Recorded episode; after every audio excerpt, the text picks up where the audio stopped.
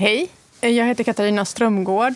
Jag är tecknare och eh, illustrerar och skriver eh, bilderböcker.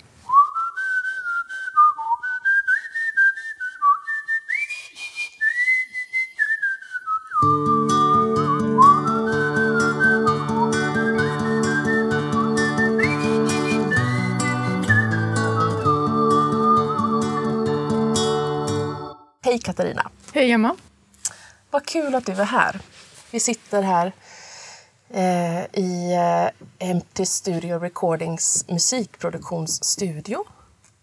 Ja, just det. Det är som en jättemysig replokal med mattor och elgitarrer och mikrofoner och grejer. Ja, Så- precis. Du är ju i Göteborg nu för att vara med på läsfesten Just det. som vi konstaterade att det heter. Ja, Nu. precis. Ja. Eh, Göteborgs stad. Ja. Som Som ordnar eh, skolbesök. Så det är jag och eh, flera andra författare och illustratörer som ska göra besök i skolor i nordöstra Göteborg Just det. eh, i, i år. Och sen tror jag att det kommer vara i olika stadsdelar, men jag, i olika år. Så att det liksom Just roterar. Men jag är inte riktigt hundra på hur det Nej, funkar. För tidigare tror jag det har varit hela stan precis. eh, på en gång. Exakt. Eh, precis. Det, och jag har eh, ännu... Jag har ingen koll på det där. Men jag eh, eh, förstod att du var i stan och då ryckte jag i dig Just det. och ryckte hit dig.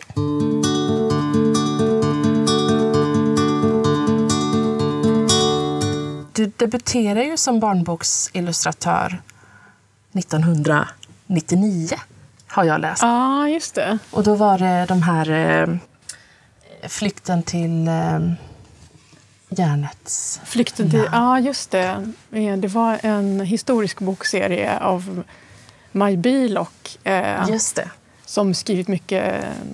Hon gick bort för några år sedan. men Hon, hon skrev väldigt mycket så här historiska eh, eh, böcker för barn Mm. i kanske så här 9 till 12 årsåldern Just ungefär. Ja.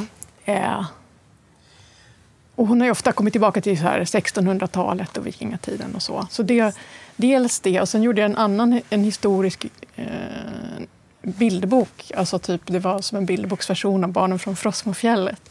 Alltså jag tittar på den nu så tycker jag att den ser hemsk ut. Men ehm, man måste ju börja någonstans. också. Eh, så de kom nog samma år, Ja. då, eh, 99. Jag kommer Ja, inte riktigt det. ihåg om de kom ut samtidigt eller om de kom först. Ja, ja, just det. Men ungefär samtidigt som Mm.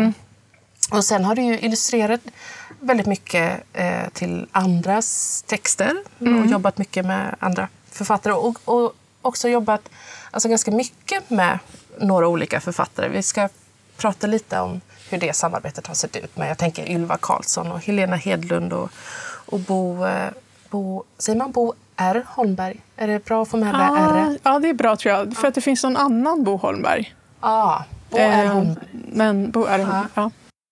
Eh, som du ju också fick eh, när du illustrerade Eddie Bolander och jag. Just det. Eh, som ju fick Augustpriset Just det. Eh, Det var ett tag sedan. 2005. Ja. Men jag tänker vi ska prata lite om den. Men om vi börjar ännu längre tillbaka så undrar jag om du... Har du alltid hållit på och ritat och Ja, jag, tecknat? ja, jag har varit ett sånt där barn som ri- ritade och målade väldigt mycket eh, från att jag var rätt liten. Mm. Eh, och också liksom fick, fick uppmuntran för det och tyckte att det var väldigt roligt och så. Just det. Eh. Hemma och i Hemma och i skolan. Och i skolan så hade jag också så här, kanske svårt att koncentrera mig eh, om jag inte ritade samtidigt. Så, Ah. Som tur var så var det ju många lärare som var så här förstående så att jag fick hållas och kunde... Ah, om, jag, om man kollar på gamla skolböcker så är det väldigt mycket så här tecknat i, i marginalen på alla anteckningsböcker och sådär. För Det är, var- svårare, det är fortfarande så att jag koncentrerar mig bättre om jag tecknar samtidigt. Som jag, om jag ska lyssna på någonting. Ja, just det. Ja, och vad fint att det då tilläts också. Det inte Ja, i, nå- i, det var säkert lite olika Ja. Ja. med olika lärare. Men jag- ja, men i stort sett. Ja. Men eh, tänkte du någonting kring att det var det här du ville göra? Visste du något om att man kan Ja. göra det som yrkes... Ja, precis. Alltså, jag, Liksom. jo, men jag tror att jag, jag tänkte nog ganska mycket att jag, jag ville jobba med det på något sätt. Och ibland så tänkte jag att jag ville bli konstnär. Och sen, men ganska ofta tänkte jag att jag ville bli serietecknare. Mm. Eller kanske illustrera böcker. Mm. Eh, så sen har det väl liksom inte varit, var det väl kanske inte en spikrak väg. För att ganska länge så tänkte jag att jag skulle bli serietecknare men eh, jag hade också svårt att slutföra grejer så att jag liksom kom till en punkt där jag kände att jag, nej men jag kan nog inte liksom jag kan ju rita men jag kan liksom inte skriva tillräckligt bra så att det blir klart och sådär. Eh, men till exempel när jag var så här, eh, när jag var barn och tonåring, då skickade jag liksom in serier till typ så här Kamratposten, Ja, serietävling och sådana där grejer. Ja. Eh, och eh, eh, fick något sånt där litet pris till klassen och sådär. Ja. Och, eh, det, jag, kom, jag kommer ihåg att jag kom trea i DNs serietävling för barn, och, eh, eller barn och ton- tonåringar. Ja. Och Emma Hamberg eh, kom etta. Aha. Eh, så jag var, både, jag var både nöjd och missnöjd. Ja. För att jag önskade att jag hade kommit... Eh, jag önskade förstås att jag hade kommit etta. Så Ja. jag var lite storhetsvansinnig. men... Vänta, nu kommer jag på någon utvikning där. Nej, men sen eh, så... Jo, men jag har ju alltid tänkt att jag ska jobba med det på något sätt. Ja. Men det har eh, spretat åt lite olika håll. Ja. Så jag gick på en sån förberedande konstskola efter gymnasiet Ja. eh, på Viks folkhögskola utanför Uppsala. Eh, och eh, lärde mig liksom som, mera sån här måleri och skulptur och olika tekniker och så. Ah, Men ett tag så var jag lite inne på att jag kanske skulle bli så här skulptör och göra jättestora skrotskulpturer och såna grejer. I skr- skrotskulpturer? Ja. Men, men sen så gick jag ett år på så här metalllinje så kom jag fram till att det var, det var nog ändå inte riktigt min grej. För att Men du jag, testade det ändå? jag testade det, men jag är liksom inte riktigt en... Jag kom fram till att jag inte var någon liksom riktig konsthantverkare. För att jag ville hela tiden göra nya, liksom, Ah. inte så här göra, samma, göra liksom mycket av så samma sak bättre och bättre utan Ja, just det. att jag är lite otålig Ja. och liksom inte, eh, inte så finputsig kanske. Ja, Så jag ville göra nya saker. Eh, Men testade du fler eh, liksom, uttryck, konstuttryck eller vad man ska säga? Ja, jag tycker nog att alla möjliga liksom, kreativa uttryck är roliga. Men, eh, nej, men det är nog alltid liksom det här eh, tecknande och målande och, och gärna liksom ihop med någon typ av berättande. Ja. Eh, har jag ändå alltid så här kommit tillbaka till. ja. Eh, och eh, Har bilden varit ett sätt för dig att berätta? Eller har orden också funnits för dig? Eller har du skrivit mycket? ja, jag har skrivit, eh, Ja. jag har skrivit också, men jag tycker att det är ju... Eh, det är väl kanske det att jag har lättare för att eh, för bilderna än för orden. Det är också, jag har ju också övat mig mycket mer på det. Ja. Jag har lätt för att berätta med bilder. Eh, och när jag skriver så... Eh, ja, nu har jag ju, jag har ju liksom gradvis börjat skriva mer. Men Ja. jag tror att det är liksom inte... Det är, ändå, det är ändå svårare. Det är en större utmaning. Och, Ja. eh, det är ju bilden som är, det är bildberättande som är mitt huvudmedium på något sätt. Och när jag, när jag skriver så är det ändå ofta så att bilderna kommer först. Just det, det Ja. är så. Det är så? Ja. Så att eh, ganska mycket... Alltså det är inte, inte, nödvändigtvis så att jag liksom kommer på alla bilder i en berättelse innan jag skriver. Men det är ändå ofta så att det börjar med bilder som jag liksom Mm. eh, ser för min inre syn och sen så, så hittar jag liksom en text som passar till det. Okej. Och mycket av... eh, Jag försöker också lägga så mycket, mycket av berättandet i bilderna eh, Mm. för att... Eh, och sen liksom hitta... Vad ska man säga? Skriva på ett sätt som liksom kompletterar bildberättandet. Men om man, det blir så, ofta när jag jobbar med andras texter så blir det liksom hela processen blir liksom helt omvänd Ja. mot när jag gör mina egna berättelser. Precis, det måste ju vara... eh, Du började ju illustrera mycket till andras, alltså åt andra författare Ja. innan du debuterade eh, som barnboksförfattare och illustrerade själv då Ja. med Björnarnas dagis. Ja, precis. Det var, det var den första. Det så? Ja. Mm. Eh, var det så du kom på att din process ser egentligen tvärtom ut? Ja, men jag skulle väl säga med just, med just bilderböcker är det i alla fall så. Ja. att det kommer först Ja, genom bilder. just det. Eh, och eh, om jag försöker, när jag har skrivit liksom längre texter som kanske inte är så illustrerade, där har jag inte liksom publicerat någonting eller så. Men då, då kanske det inte är så att jag skissar ut allting, men jag har ändå ofta liksom eh, en bild innan jag har ord Mm. på någonting. Kanske liksom en, en scen eller en person eller någonting.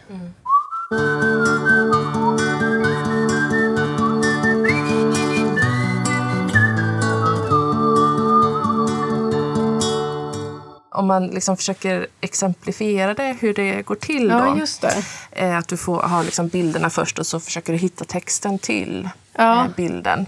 Men då tar vi Björnarnas dagis bara för att ha någon kronologi lite. Just det. Eh, vad, berätta hur den kom till då, om du Ja. minns. Ja, men den, eh, den kom nog eh, den kom nog till eh, liksom av en kombination av en utsikt eh, som vi hade i ett hus där vi bodde.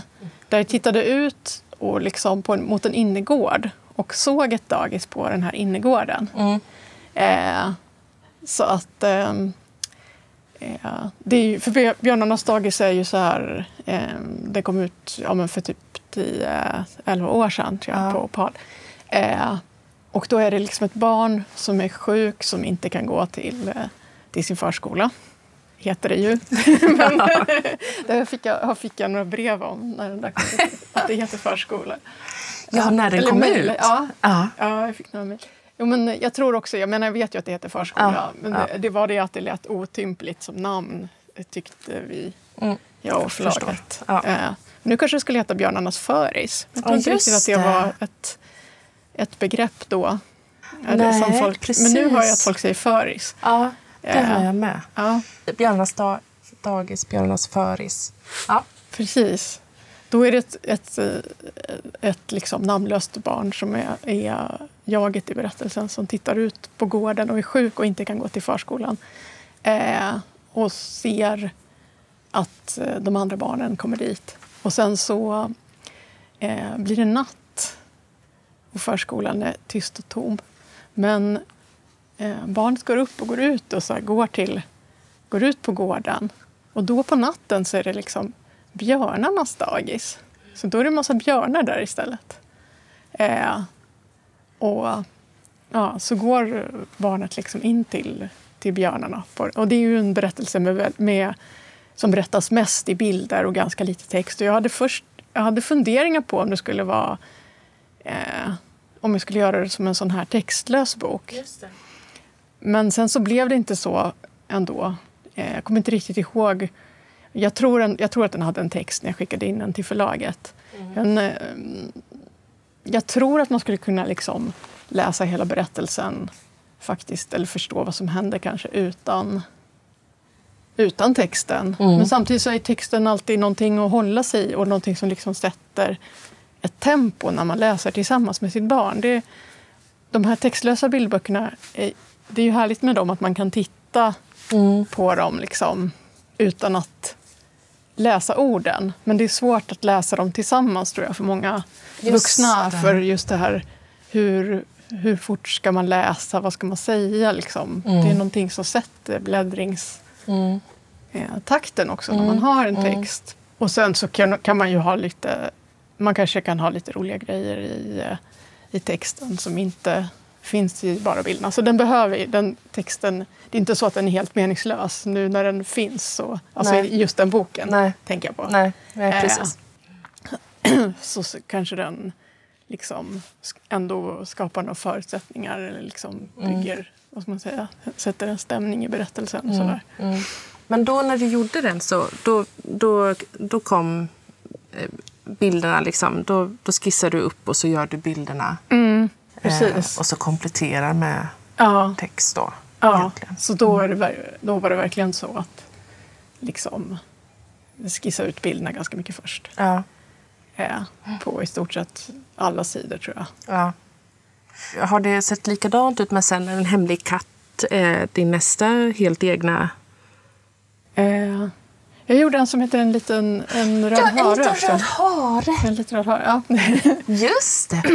Hur gick den till? men, men alla de är nog lite på samma sätt. Ja. Och kanske ibland att det är något... Eh, ska, det är inte nödvändigtvis så att alla uppslagen är liksom eh, klara före texten. Utan, men det är ofta så här, några bilder först och sen kanske jag måste liksom fundera eh, ja, men vad, liksom hitta historien i det. Mm. Och då börjar jag skriva och sen så blir det liksom ett sånt där bollande fram och tillbaka. Mm. Eh, och ibland så har jag ju Ibland så har jag ju liksom eh, bilder eller uppslagsidéer som liksom sen inte får komma med i den färdiga boken just för att de inte... Ja, de kanske liksom sticker iväg åt något annat håll. Så att jag har en sån här väldigt stark inre bild av något som händer men sen så passar liksom inte det riktigt in i den här berättelsen som ändå ska in på tolv uppslag. Så ah, då, just det. När det redigeras sen Ja. så, så, så, så får de...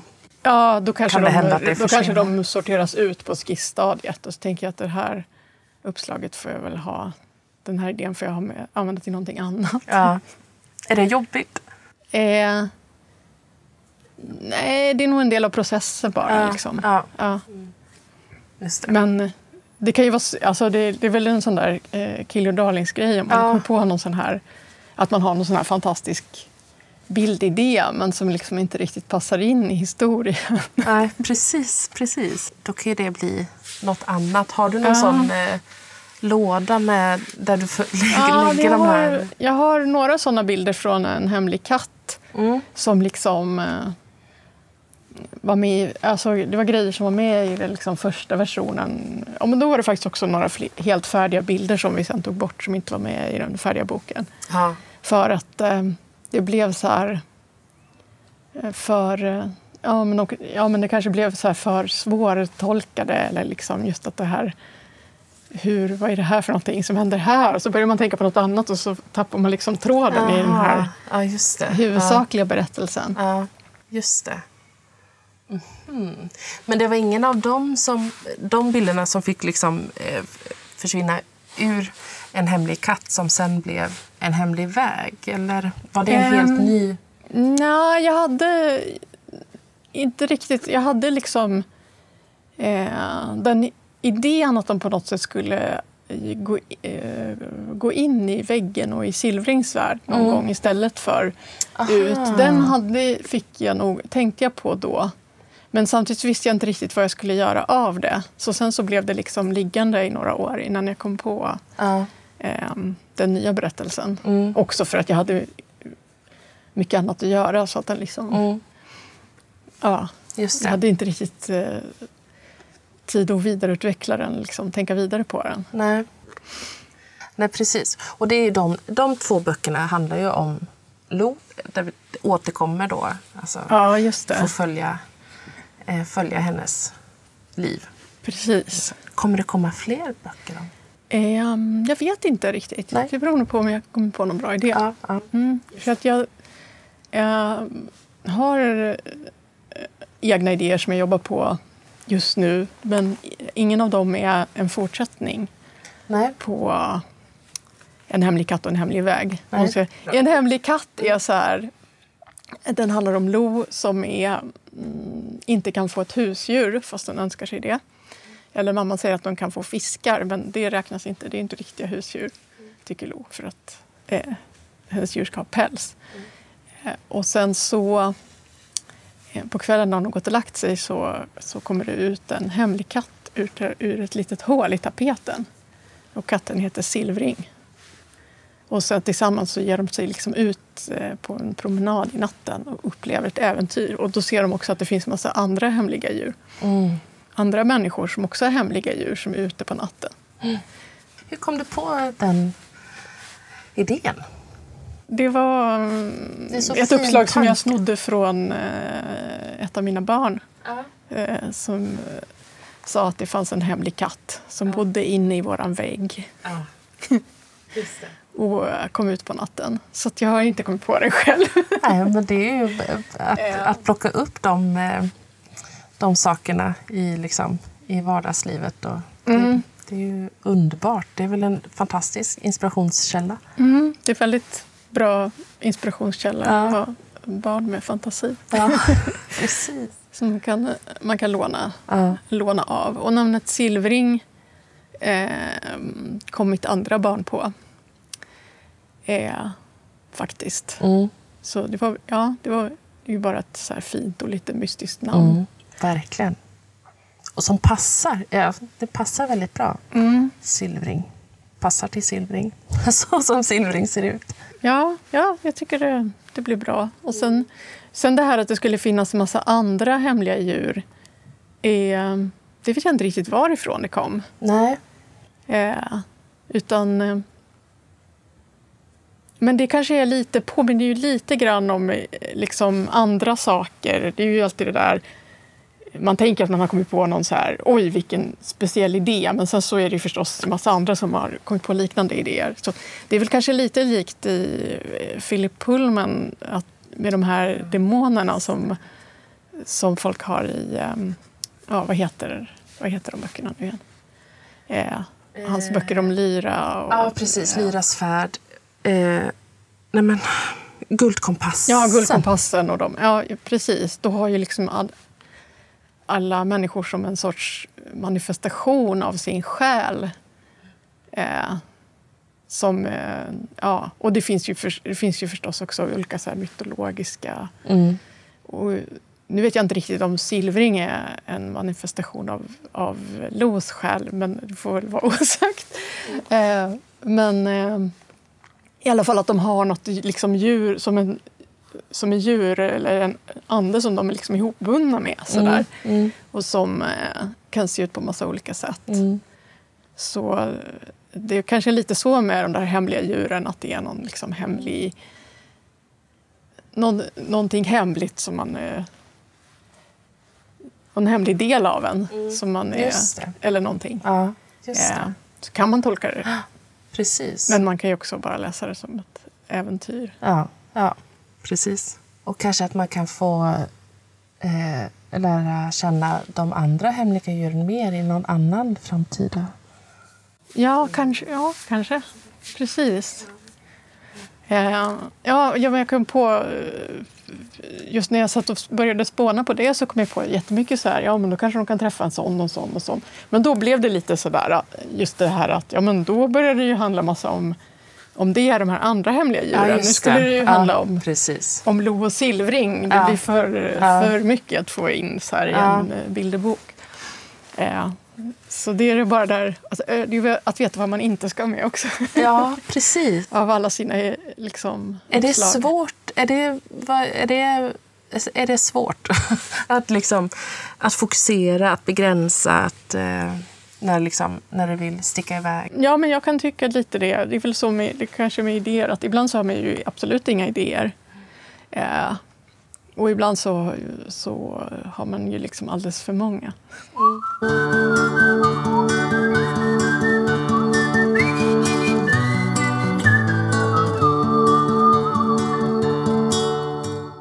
Vad gör du av alla idéer? Om man, jag tänker att det här handlar ju också om tidsaspekt och du har också dina egna projekt som du vill göra samtidigt som du kanske sitter och jobbar mot deadlines för att illustrera klart åt någon annan för, i, i någon bok eller sådär. Ja, Eh, vad gör du av dina idéer när de kommer och flyger? jag har lite sådana här um, eh, skissblock Ja, eh, och anteckningsböcker och så. ja, Så då försöker jag liksom, eh, ja, men skissa och skriva upp grejer. mm, Sen om man har någon idé, om den är bra, så tycker jag liksom att den man inte brukar glömma bort den utan att den kommer tillbaka. Mm. Vad skönt. Tror jag. ja. Ja. ja. Nu ska vi se, En hemlig väg kom ju bara förra året, 2022. Mm. Eh, när kom En hemlig katt? 2017. Ja, Ja, precis. Det blev ganska långt emellan. Ehm, det var ju dels eh, att eh, det... Ja, men först så hade jag nog eh, eh, mycket annat att göra. Eh, och liksom ingen, ingen självklar idé på en fortsättning. Och sen så eh, kom jag på den här idén eh, till en hemlig väg eh, 2020, liksom den här våren när coronapandemin hade börjat. Är så, ja. Ja, och när jag satt eh, ja, men vid något tillfälle satt hemma och, och var lite sjuk, fast antagligen inte med corona. Jag tror jag liksom hade en förkylning eller någonting. Mm. Men eh, liksom, ja, det var någonting med den här surrealistiska stämningen som var ja. Särskilt där i början. Liksom, ja, alla, eller liksom, alla som kunde satt och jobbade hemifrån och om man gick ut så liksom tog folk så där omvägar från varann. ja. Och sen så eh, gick jag ut varje dag så för att promenera i typ eh, skogsområde som ligger där, där vi bor. Men då på den här gångvägen så var det jättemånga som var ute och promenerade som också var så här hemmajobbare. Och alla liksom tog såna stora lovar åt sidan när man liksom eh, mötte någon annan. Så att det ändå var som att alla var ute och sprang på den där smala skogsvägen. Mm. Eh, så då började liksom folk gå på så här stigar inne i skogen istället, Mm. på, på promenaden. Mm. Eh, och, ja, men då, då, så det var liksom dels lite den här overkliga känslan när man kanske så här, går in i en skog så här, bakom ett bostadsområde och liksom tittar ut som att man så här, tittar ut från, från kulisserna. Och sen ute på vägen så är det liksom helt så här, eller inne bland husen så är det liksom helt tomt. Just det. Eh, alltså jag vet inte riktigt hur det där kommer, men det, kommer, ja, men det kanske kommer med ganska mycket som så här, tomma gator Ja, medan det myllrar av liv i den här underjorden. Ja. För att I den boken så går ju Lo och Silving på en hemlig väg i underjorden. Mm. Eller, ja, som är liksom någon sorts spegelvärld Just det, till precis. den vanliga världen. För att besöka För att besöka eh, mormor som ligger på sjukhus. Just det, precis. Eh, Och Lo är lite snorig. Så och Lo är lite snorig. Hälsa på. Åh, den är så fin! Åh, och när de står där och håller... Men det är ett glas emellan ju, eller? Ja, det är ett glas Visst, ja. emellan. Och så, men så, de håller ändå upp händerna, mormor och Lo. Och, Ja. så, Åh, och så blir hon ändå så nej men det är nog bäst att, jag, eh, går, att vi går hem nu. Ja, de har nästan kommit fram. Så blir det så att nej, vi kan ändå inte, vi kan inte komma Ah. fram, ända fram. Vi kan Ah. inte gå in. Eh, men de kan ändå möta varann Mm. på något sätt. Mm. Du, ja, du gör ju väldigt fina, alltså otroliga eh, bilder. Vad jobbar du med för... Är det? För jag kan inte detta, Katarina. Alltså, det är liksom ehm, det är så här flytande teckningstusch. Flytande Som- teckningstusch. Ja, som akryltusch kallar en del det för. Eh, det är såna liksom glasburkar med flytande färg som man köper och så kan man måla med pensel eller, eller doppa en sån här stålpenna för att rita konturerna. Aha. Så jag ritar liksom konturerna på figurerna med sån teckningstusch och sen färgerna är gjorda med eh, laveringar. Så, så är det i de böckerna i alla fall. Sen använder jag lite olika tekniker till olika böcker. Och hur har du... Eh, är det här, vad är det här för teknik? Är det liksom också så här saker du har hittat själv genom att sitta och experimentera på olika sätt med material och, och färger? Och... Jag tror att de här färgerna började jag med efter att jag hade så här delat ateljé med några bildkonstnärer som mera gjorde såna liksom, eh, ja, stora målningar som var laverade och så. Laverade betyder... Alltså, det, är, ja, det är när man använder vatten och tusch. Det är skillnaden från akvarell, det blir ju lite som akvarellfärg, men skillnaden är väl dels att kanske liksom blir mer, lite mer så här klara eller ibland nästan lite skrikiga färger med, Ja. med den här tuschen. Eh, och sen att den blir liksom helt vattenfast när den torkar. Så att eh, man, eh, den, man kan liksom inte blöta upp den igen då, utan då sitter den fast. Men kan man måla över? Men man kan, man kan måla över, men den är genomskinlig. Så man kan inte måla över den på samma sätt som med sån här Ah. täckande akrylfärg. För den är liksom lite transparent. Ja.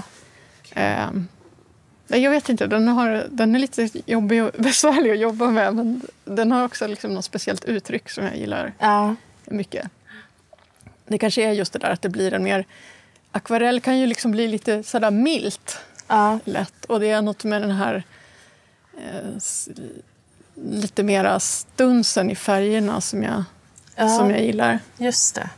Nej, jag vet inte egentligen om det syns skillnad från en vanlig akvarell. Men, ja. Jag tänker att det är också det, är också det här att hitta, liksom, och, och, och hitta vad som händer med färgerna om man gör så här. Alltså, det är också tidskrävande på något sätt. Att, Ja. att, ja, att ge sig själv utrymme att eh, experimentera och hitta olika former och uttryck och sådär.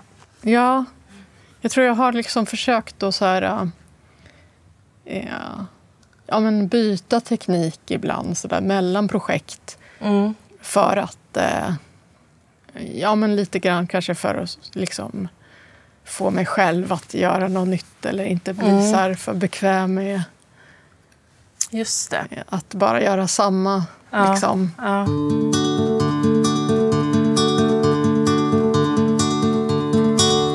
Men du, nu måste vi prata om eh, Eddie Bolander Ja. och jag. Och jag har, jag har inte läst den, Nej? eh, så jag liksom eh, kan inte se den riktigt framför mig. Så jag tänker att du ska få berätta.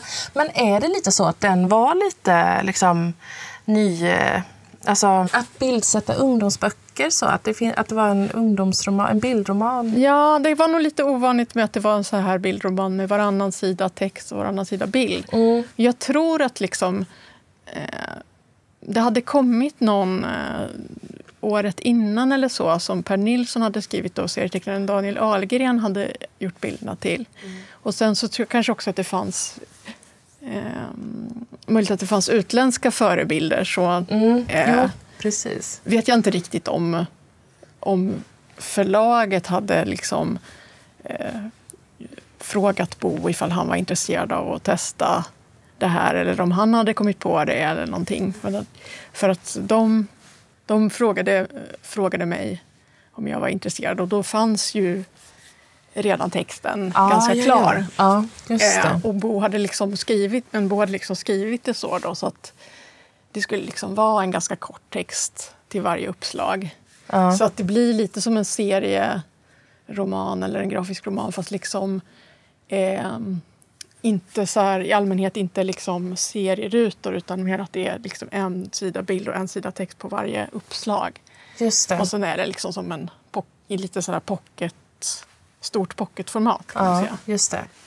Ja, jag hade kunnat tagit med en för jag har lite, jag har, jag har lite så här kvar som blev över från så här, Ah. när den, eh, jag tror att eh, den kanske skulle makuleras eller någonting. Det brukar ju bli så med gamla böcker. Ja, ja, ja precis. Mm. Ja, men, men, men då var- det ert första samarbete? Det var vårt första samarbete. Ja. För sen, eh, ni har ju gjort mycket tillsammans. Eller? Ja, Vad är mycket? eh, nej, ja. Men ganska många böcker har ni ju gjort Ja, tillsammans. just det. Ja, men den och så har jag varit med i någon antologi och så Vart ska systrarna? Ja, det är de. Ja, det är de. Ja. Ja. Ja. Men, eh, men det känns som att, eh, eh, för samma med Ylva Karlsson då till exempel, ni har också gjort eh, många böcker Ja. tillsammans. Där är det ännu lite fler då kanske. Ja. Bland annat också, ja, är det två jul eh, eller sån här adventsböcker, vad heter det? Jul- Det kanske kallas för julkalenderböcker. eller jag vet inte ja, riktigt. Ja. ja, men precis. Ett kapitel om dagen fram till jul. Precis. Förra årets eh, En bästa vän till jul. Men Ja. visst har ni gjort någon tidigare tillsammans också? Vi har gjort en bok som heter Samuels sällsamma kalender. Ja. Så den han, men där är egentligen inte mm, eh, renodlad kalenderbok på så sätt att det är inte ett kapitel varje dag fram till jul. Det är inte ett 24 kapitel. Men Nej. den handlar om en magisk adventskalender. Ja. Så det är liksom andra boken i en serie om tre böcker som gjordes. Som börjar med Ossians ovanliga Nanny och sen Mm. kom Samuels sällsamma kalender. Och då... Ja, jag tror att vi...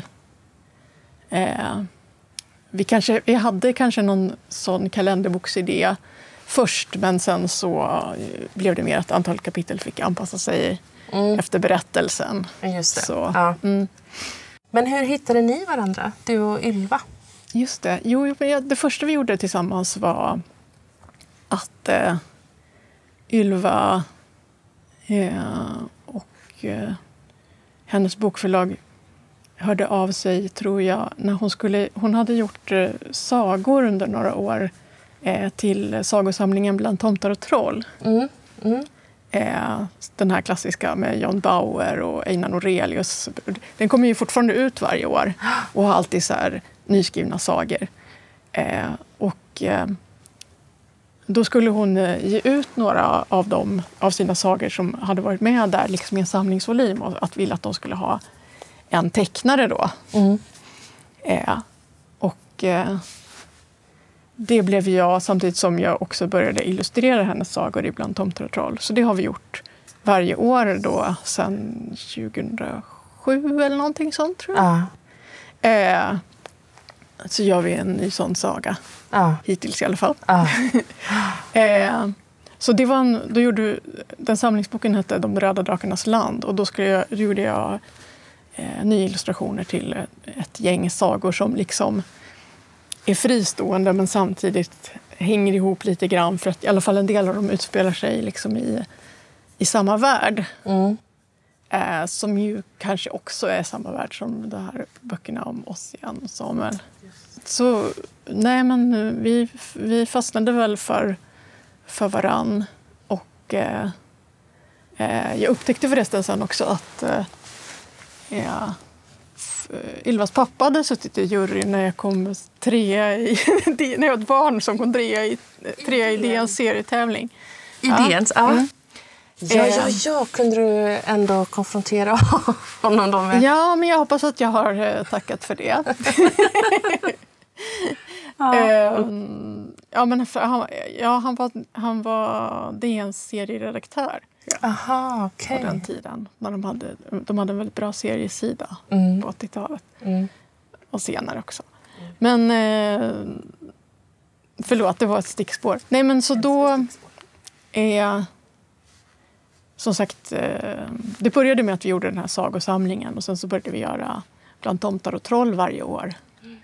Eh, och eh, sen så hörde Ylva av sig när hon hade skrivit den här boken om Ossian som liksom utspelar sig lite i samma värld. Och då började vi också prata om att det vore eh, roligt att göra bilderböcker. Alltså jag tror att de första bilderböckerna vi gjorde ihop var nog också liksom bearbetad, en bearbetad version av en av de här sagorna. Mm. Eh, det, Vantarna, en julsaga. Ja, just det. Eh, vi gillar ju, det är ett jul, jultema. Eh, vi gillar väl båda julen, men jag tror Ylva är så lite mer julfanatisk ja. än vad jag är. Ja. Ja, och sen... mm, Så det är väl liksom... Det är väl någonting med liksom hur, hur Ylva skriver och hur jag... Eller jag vet inte. Det är, alltså jag menar, jag tycker ju... Jag, jag gillar ju alla de böckerna och författarna Mm. jag jobbar med. Mm. Ja. Eh, ibland så har man ju liksom någonting...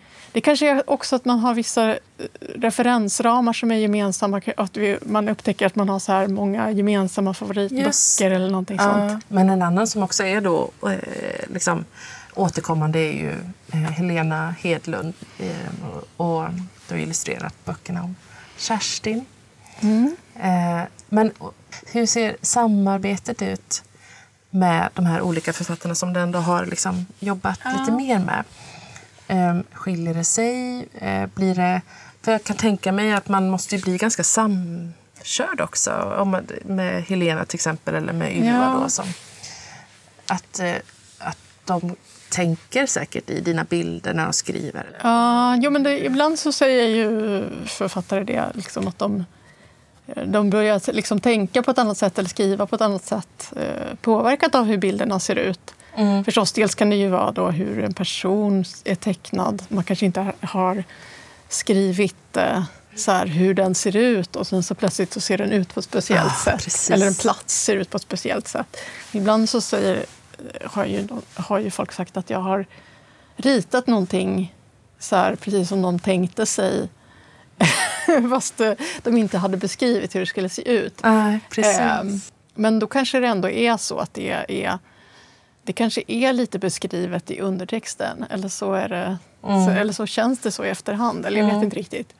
Men till exempel den här bussen som um, den gamla bussen som Kerstin och Gunnar sitter i.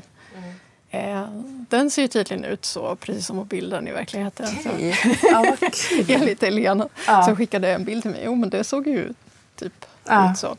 Men, eh, nej, men jag tror egentligen att det är ganska olika. Det beror både på, liksom på på författarna och böckerna och hur de skriver. Och sen är det klart att med Ylva så har det också blivit så att eh, vi sitter på samma kontor.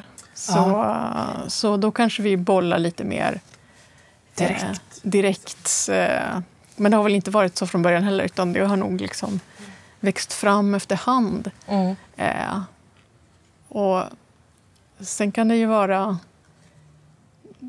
men ganska ofta så har det nog varit så, ja, men till exempel med Eddie Bolander och jag så trodde nog folk att, att eh, jag och Bo hade bor, liksom, bollat en massa fram och tillbaka. Mm. Men han hade ju skrivit hela texten mm. först ja, innan jag kopplades uh, in. Och det är uh. ganska vanligt ju när man jobbar med, med bilderböcker och kapitelböcker också. Ja, just det. Ja. Sen jag gör de här böckerna, eh, jag gör en bokserie som heter eh, Mariam med Mino Shams. Precis. Och då så eh, är ju liksom huvudpersonen från Iran och det handlar också en del om så persisk kultur och så. Så då, måste, då behöver jag ju bolla mycket om det och liksom göra research och så. Mm. Ja, just Likadant det. när jag jobbat med, med historiska böcker. Mm. Och jag tänker även med, kanske, eller det får du, men om man är, alltså, hittar detaljer i en skolmiljö eller alltså, sådana där saker. Hur, eh, men särskilt då när det är en specifik eh, kontext som en kulturell kontext eller en historisk plats eller sådär. Att du får göra mm. research då för att hitta, hitta rätt. Kul! Mm, ja, men det, jag tycker det är roligt. Ja och få liksom testa. Eller hur ritar man kärlek till exempel? Som du ju gör så fint i Det regnar hjärtan. Ja, just, ja men då är det nog... Eh, just det. Då är det nog bara väldigt mycket att liksom... Eh, man blir som någon sorts liksom skådespelare genom, eh, genom ja. de karaktärerna som man ritar på något sätt. Ja, just det den texten fick du också till dig klar. Liksom, och så, eh, om vi tar den som exempel. Ja, precis. Den var färdigskriven av Gloria? Så. Ja, i stort sett. Sen har det väl varit oftast någon eh, kör, mig, kör mig kanske... När det eh, Ja, men då var det ju förlaget som hörde av sig för att mm. de hade tagit eh, Glorias text och så mm. bollat olika illustratörer. Och sen så, sen så blir det ju säkert lite liksom, eh, textkorrigeringar och sådär mm. efter det ändå också, tycker jag, när man, om, om man liksom först får en text. Ibland så är den ju liksom fördelad redan så som den skulle kunna vara på på 12 uppslag och ibland så är det, kanske jag kan komma med ett förs förslag mm. så här, hur jag skulle vilja fördela den. Ja. Eh, och eh, den texten till exempel är ju ganska så här Eh, den är ju ganska poetisk. Det är inte hela tiden texten liksom beskriver eh, vart de är någonstans just då. Ibland så gör den det och ibland så gör den liksom inte det. Utan den beskriver ju mer hur personen känner. Mm. Eh, så då skissar jag, då blir det också lite sådär att bildberättandet liksom placerar dem sådär. Att de är på väg till skolan i början och sådär. Och sen så när, när skolan kommer in i, i texten, då har de liksom redan kommit fram dit i bilden och sådär. Så jag tycker det är ju jätteroligt med bildberätt när man liksom ska göra bilder till andras texter. Att det blir så olika beroende på hur texten är skriven. Mm. Eh, för, för, för det finns ju så otroligt många olika sätt att, att skriva och berätta på. Liksom. Mm. Eh, Precis. Så... Ja, det, jag vet inte. ja, men därför är det ju roligt. Därför är det ju roligt att jobba med olika författare och olika typer av texter Ja, också. ja. För att det påverkar ju verkligen. Så man måste ju försöka, eller jag vill försöka hitta liksom eh, vad som är speciellt i den här texten och hur, hur bildsätter man, eller hur liksom bildberättar man till den. Just det. Eh, så det blir, därför blir, tycker jag ändå att det blir, kan bli ganska olika med olika böcker. Ja, precis. Det måste ju bli mycket... Alltså, för då, då ser du framför dig, eller kan det finnas också att det finns eh, alltså, önskemål från eh, författare och förlag? Eller jag tänker att du liksom... Eh, ja, med färgval och... Eller, Ja, i någon, i någon mån kan det ju göra det. Så jag tycker om att ha mycket frihet. Men, ja, ehm, och sen samtidigt också ändå att man liksom bollar och får feedback. Så liksom gör förslag och sen Mm. liksom Mm. diskuterar dem kanske. mm, Eh, när det gäller färger och sånt där så kan det ju vara så att förlaget kanske, de, ja, men kanske sett något annat som man gjort och tänker på det och så här. ja, Vi tyckte om det här.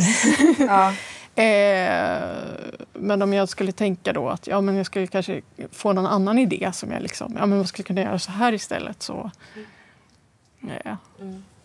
så lägger jag ju fram det. mm, Men, just, eh, men ofta så är det ju kanske inte liksom att de är så styrande så utan mer att eh, eh, de är liksom tänker väl att eh, lämna över det till upphovspersonerna och sen komma med synpunkter när de ser Ja, liksom, just det. Ja, ja.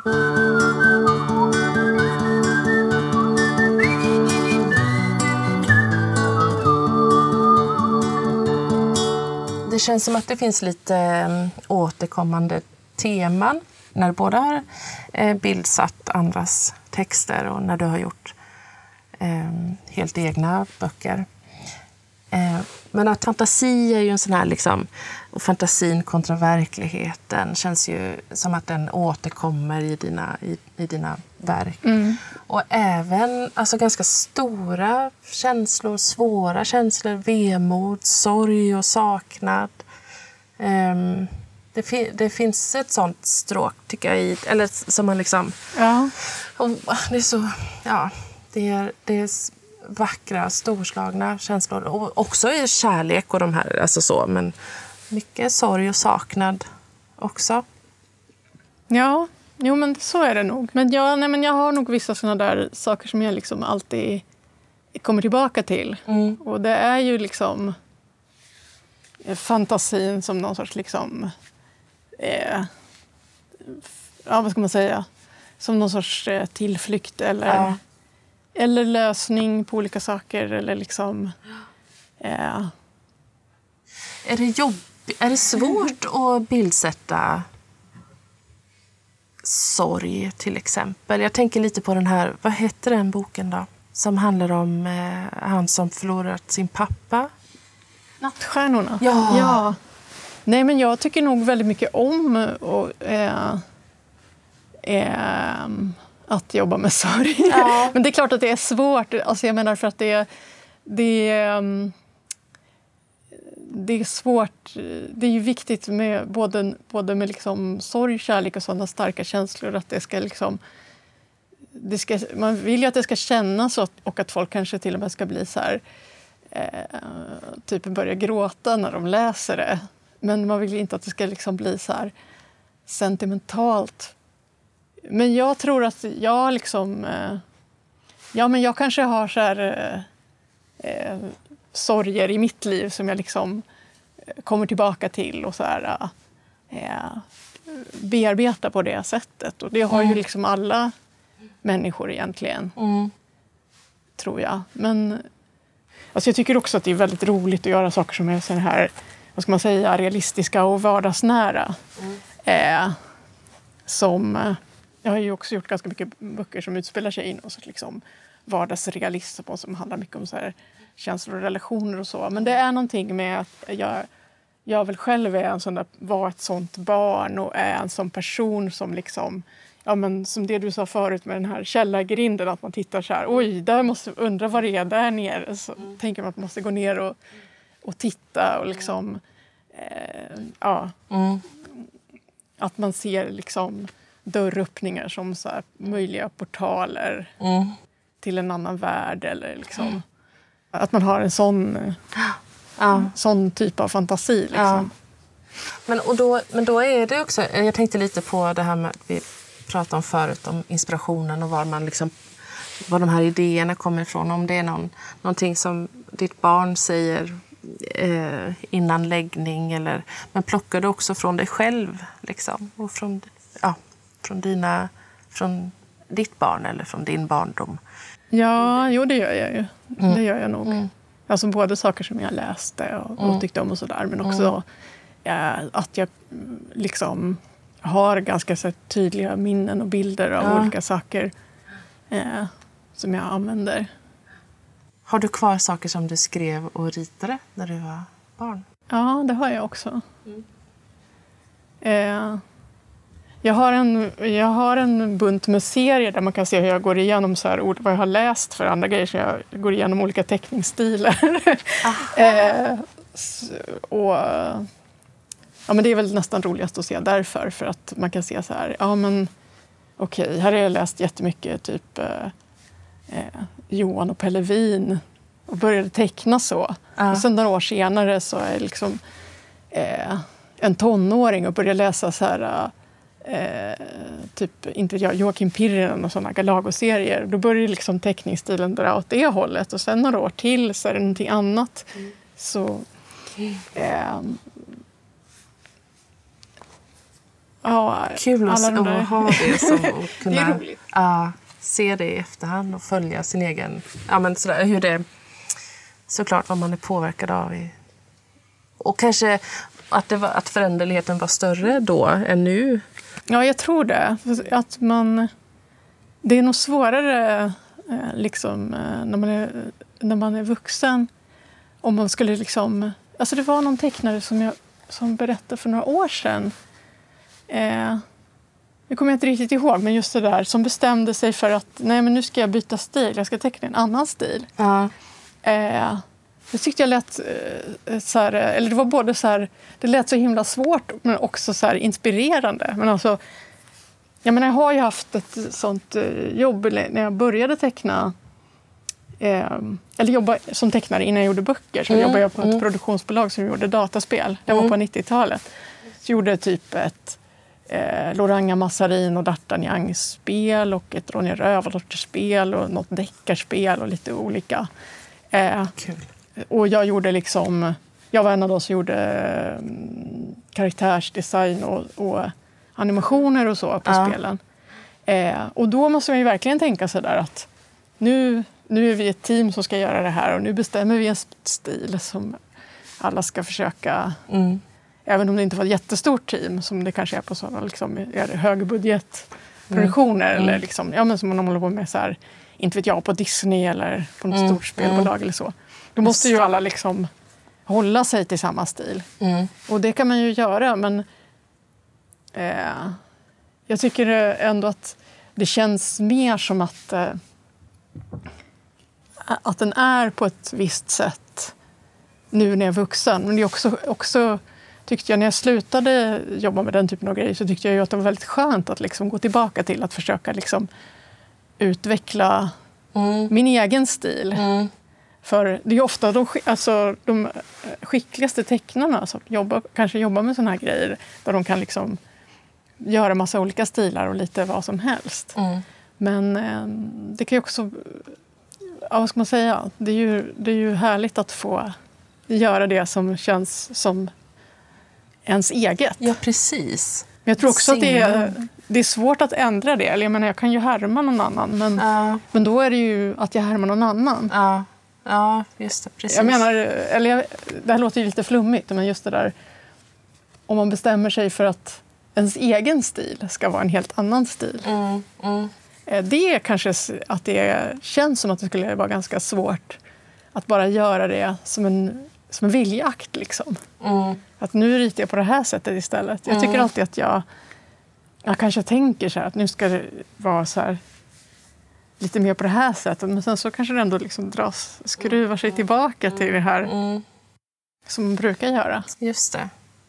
Förstår du vad jag menar? Ja, jag tror det. Och jag, nej, men, och jag tänker att det, det är ju också inte bara av, av vana. Eller att det, det, det är väl också fint att ha hittat ett eget. Jag tycker det, så är det ju verkligen. Man känner ju igen att det är du som har illustrerat när man ser det. Och det är, väl, det är ju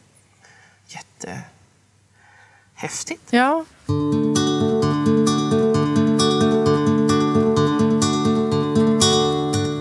Finns det något som du har eh, ännu inte utforskat? Och då får du tänka fritt. Och det kan man ju tänka i och för sig med stilar och eh, men och även kanske andra eh, former av eh, eh, böcker. Har du gjort? Ja, ja, ja, Du får tänka helt fritt. Alltså jag håller för, apropå det jag sa förut så eh, tänker nog att jag skulle vilja göra liksom en grafisk roman eller någonting Ja. serieaktigt igen. Ja. Eh, egentligen eh, nästa grej som jag vet att jag ska eh, hålla på med det är en egen bilderbok. Ja, det är. Men, men vill du berätta om den?